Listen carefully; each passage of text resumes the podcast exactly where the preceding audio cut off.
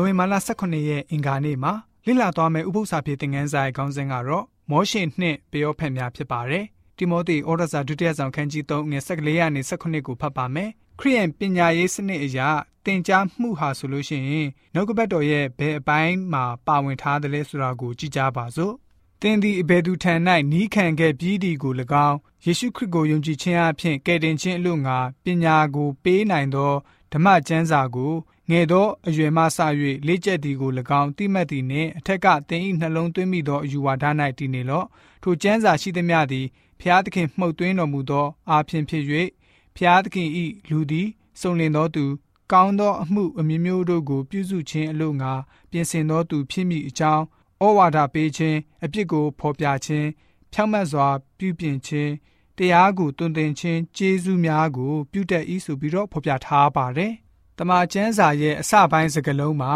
တူရဲလို့ရေးသားထားတဲ့စကားလုံးရှိပါတယ်။တချို့ဘာသာပြန်ဆိုတဲ့နေရာမှာပြည့်ညက်ချက်လို့ဆိုကြပါတယ်။တမန်ကျမ်းစာမှာပြည့်ညက်ချက်များစွာရှိပါတယ်။သို့တော့တူရက်ဆိုတာက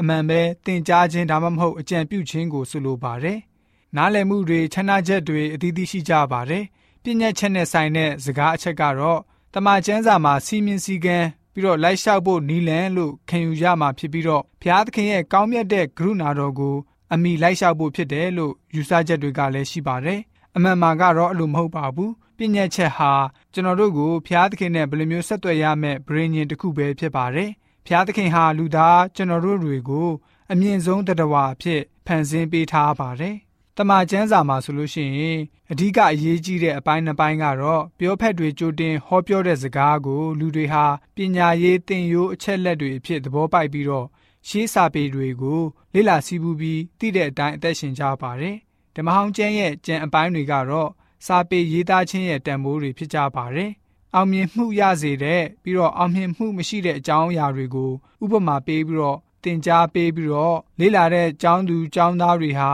သင်ကြားပေးတဲ့သူဆရာတွေနဲ့အတူပညာရေးစနစ်အတွေ့အကြုံတွေကို ကောင်းစွာရစေပါတယ်။ဧဒရာဝုထုရူတာဝုထုဒိန်လအနာဂတိကျမ်းနဲ့ယောဘဝုထုတို့ဟာပညာရေးအစစ်အမှန်အကန်ကိုပေးပြီးတော့အောင်မြင်စေတဲ့ကျမ်းချက်တွေဖြစ်ပါတယ်။ဆုံးရှုံးမှုရှိရတဲ့အကြောင်းကတော့ယောဘရဲ့မိတ်ဆွေလေးဦးအကြောင်းပဲဖြစ်ပါတယ်။ဆာလန်ကျမ်းဟာတခြင်းစာအုပ်တအုပ်ပဲဖြစ်ပါတယ်။သို့တော့အဲ့ဒီထဲကမှပညာပေးနိုင်တဲ့ကျမ်းအခန်းကြီးတွေကတော့ ဆာလကျမ်းခန်းကြီး1ပြီးတော့ဆာလကျမ်းခန်းကြီး39နဲ့ဆာလကျမ်းခန်းကြီး83တို့ဖြစ်ပါတယ်။ဧဝံဂေလိသတင်းတရားဟာပညာရေးကဏ္ဍနဲ့တွဲဖက်ပါဝင်ပါတယ်။ပညာသင်ကြားပေးဖို့ရည်ရွယ်ချက်ဖြစ်ပါတယ်။အထူးသဖြင့်ယေရှုရှင်ရဲ့ပုံမမာစကားတွေဟာတွင်တင်ခြင်းနဲ့ပညာပေးခြင်းအကြောင်းတွေဖြစ်ပါတယ်။ရှင်ပေါလုရဲ့ရေးသားထားတဲ့စာအုပ်တွေဟာလည်းပဲခိုင်မာတဲ့ဧဝံဂေလိသတင်းစကားရဲ့ကြွေးကြော်သံနဲ့အစာပြုရေးသားတတ်တာတွေ့ရပါတယ်။သို့တော့အဆုံးသတ်မှာတော့ပညာပေးစကားအရာတွေ လက်တွေ့ကျတဲ့သင်ခန်းစာတွေခရိယန်နေ့စဉ်အသက်တာအကြောင်းတွေကိုတွင်တင်ပေးထားပါတယ်။ဗျာဒိတ်ကျမ်းကိုလေ့လာတဲ့အခါမှာပညာရေးနဲ့ဆိုင်တဲ့အရာတွေ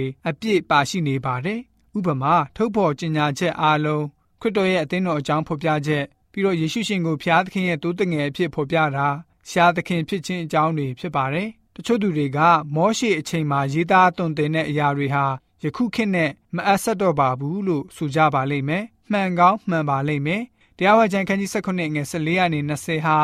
ဘယင်တွေကိုအကြံပေးတဲ့အရာဖြစ်ပါတယ်။ယာဒုယာကန်ကြီးကြီးမားမားရှိတဲ့သူတွေကိုသာရည်ရွယ်အကြံပေးတဲ့ကျမ်းချက်ဖြစ်ပါတယ်။ယနေ့ခေတ်အခါမှာကျွန်တော်တို့အသင်းတော်မှာ